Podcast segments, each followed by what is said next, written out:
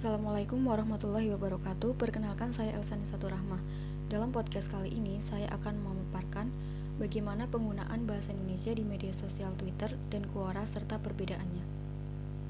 Dalam kehidupan sehari-hari saat ini, kita tidak dapat dipisahkan dari media sosial. Media sosial telah menjadi bagian penting dari kehidupan manusia. Ada banyak sekali jenis media sosial yang dapat kita gunakan sesuai dengan fungsi dan fitur-fiturnya masing-masing. Salah satu media sosial yang sering digunakan di Indonesia misalnya Twitter.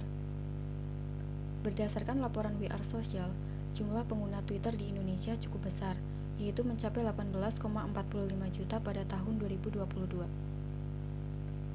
Media sosial lain yang digunakan di Indonesia adalah Quora.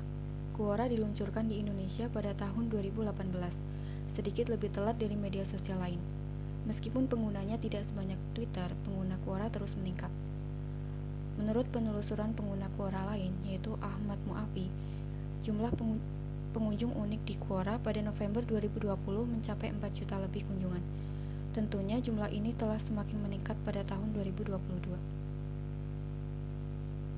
Menurut Wikipedia, Twitter adalah layanan jejaring sosial dan mikroblog daring yang memungkinkan penggunanya untuk mengirim dan membaca pesan berbasis teks hingga 280 karakter.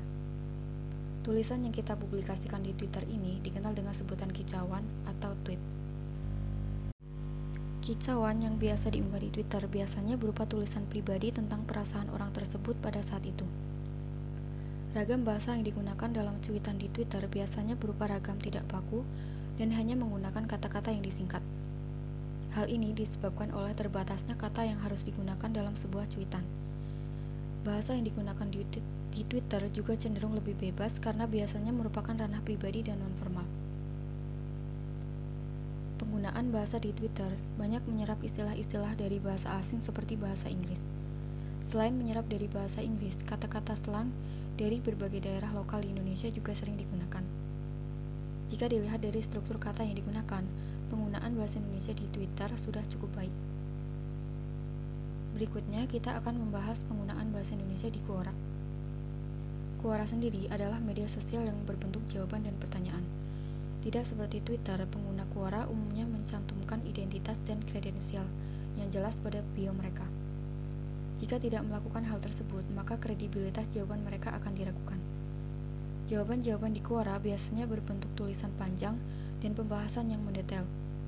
Karena ranahnya yang lebih sebagai tempat bertukar pikiran, berbagi pengetahuan, dan berdiskusi, penggunaan bahasa Indonesia di Quora jadi terasa lebih formal.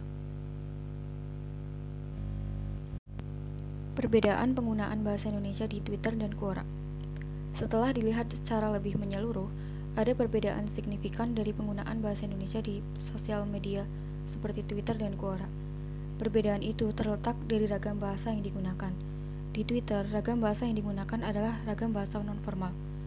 Lain halnya dengan di Quora. Dalam media sosial ini, penggunaan bahasa Indonesia lebih baku dan formal.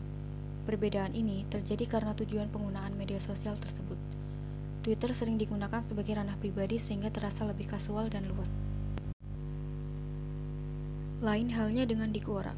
Tulisan-tulisan di Quora sangat memperhatikan kaidah bahasa Indonesia, terlihat dari pemilihan kata-kata dan penulisannya. Struktur kalimat yang digunakan di Quora juga sebagian besar telah lengkap. Bio akun juga sangat mempengaruhi bagaimana orang-orang menggunakan kedua media sosial ini.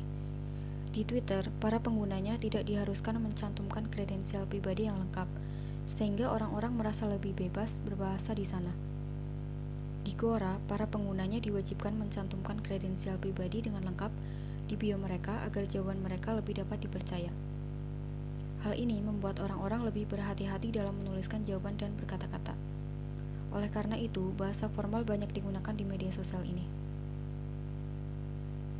Kesimpulan, terlepas dari perbedaan kedua media sosial ini, sebenarnya Quora lebih baik dalam pengaplikasian bahasa Indonesia di media sosial dibandingkan dengan Twitter.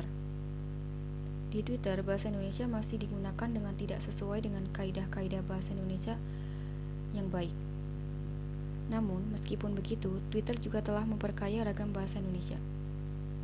Semoga pemaparan ini bisa dimengerti dengan baik ya.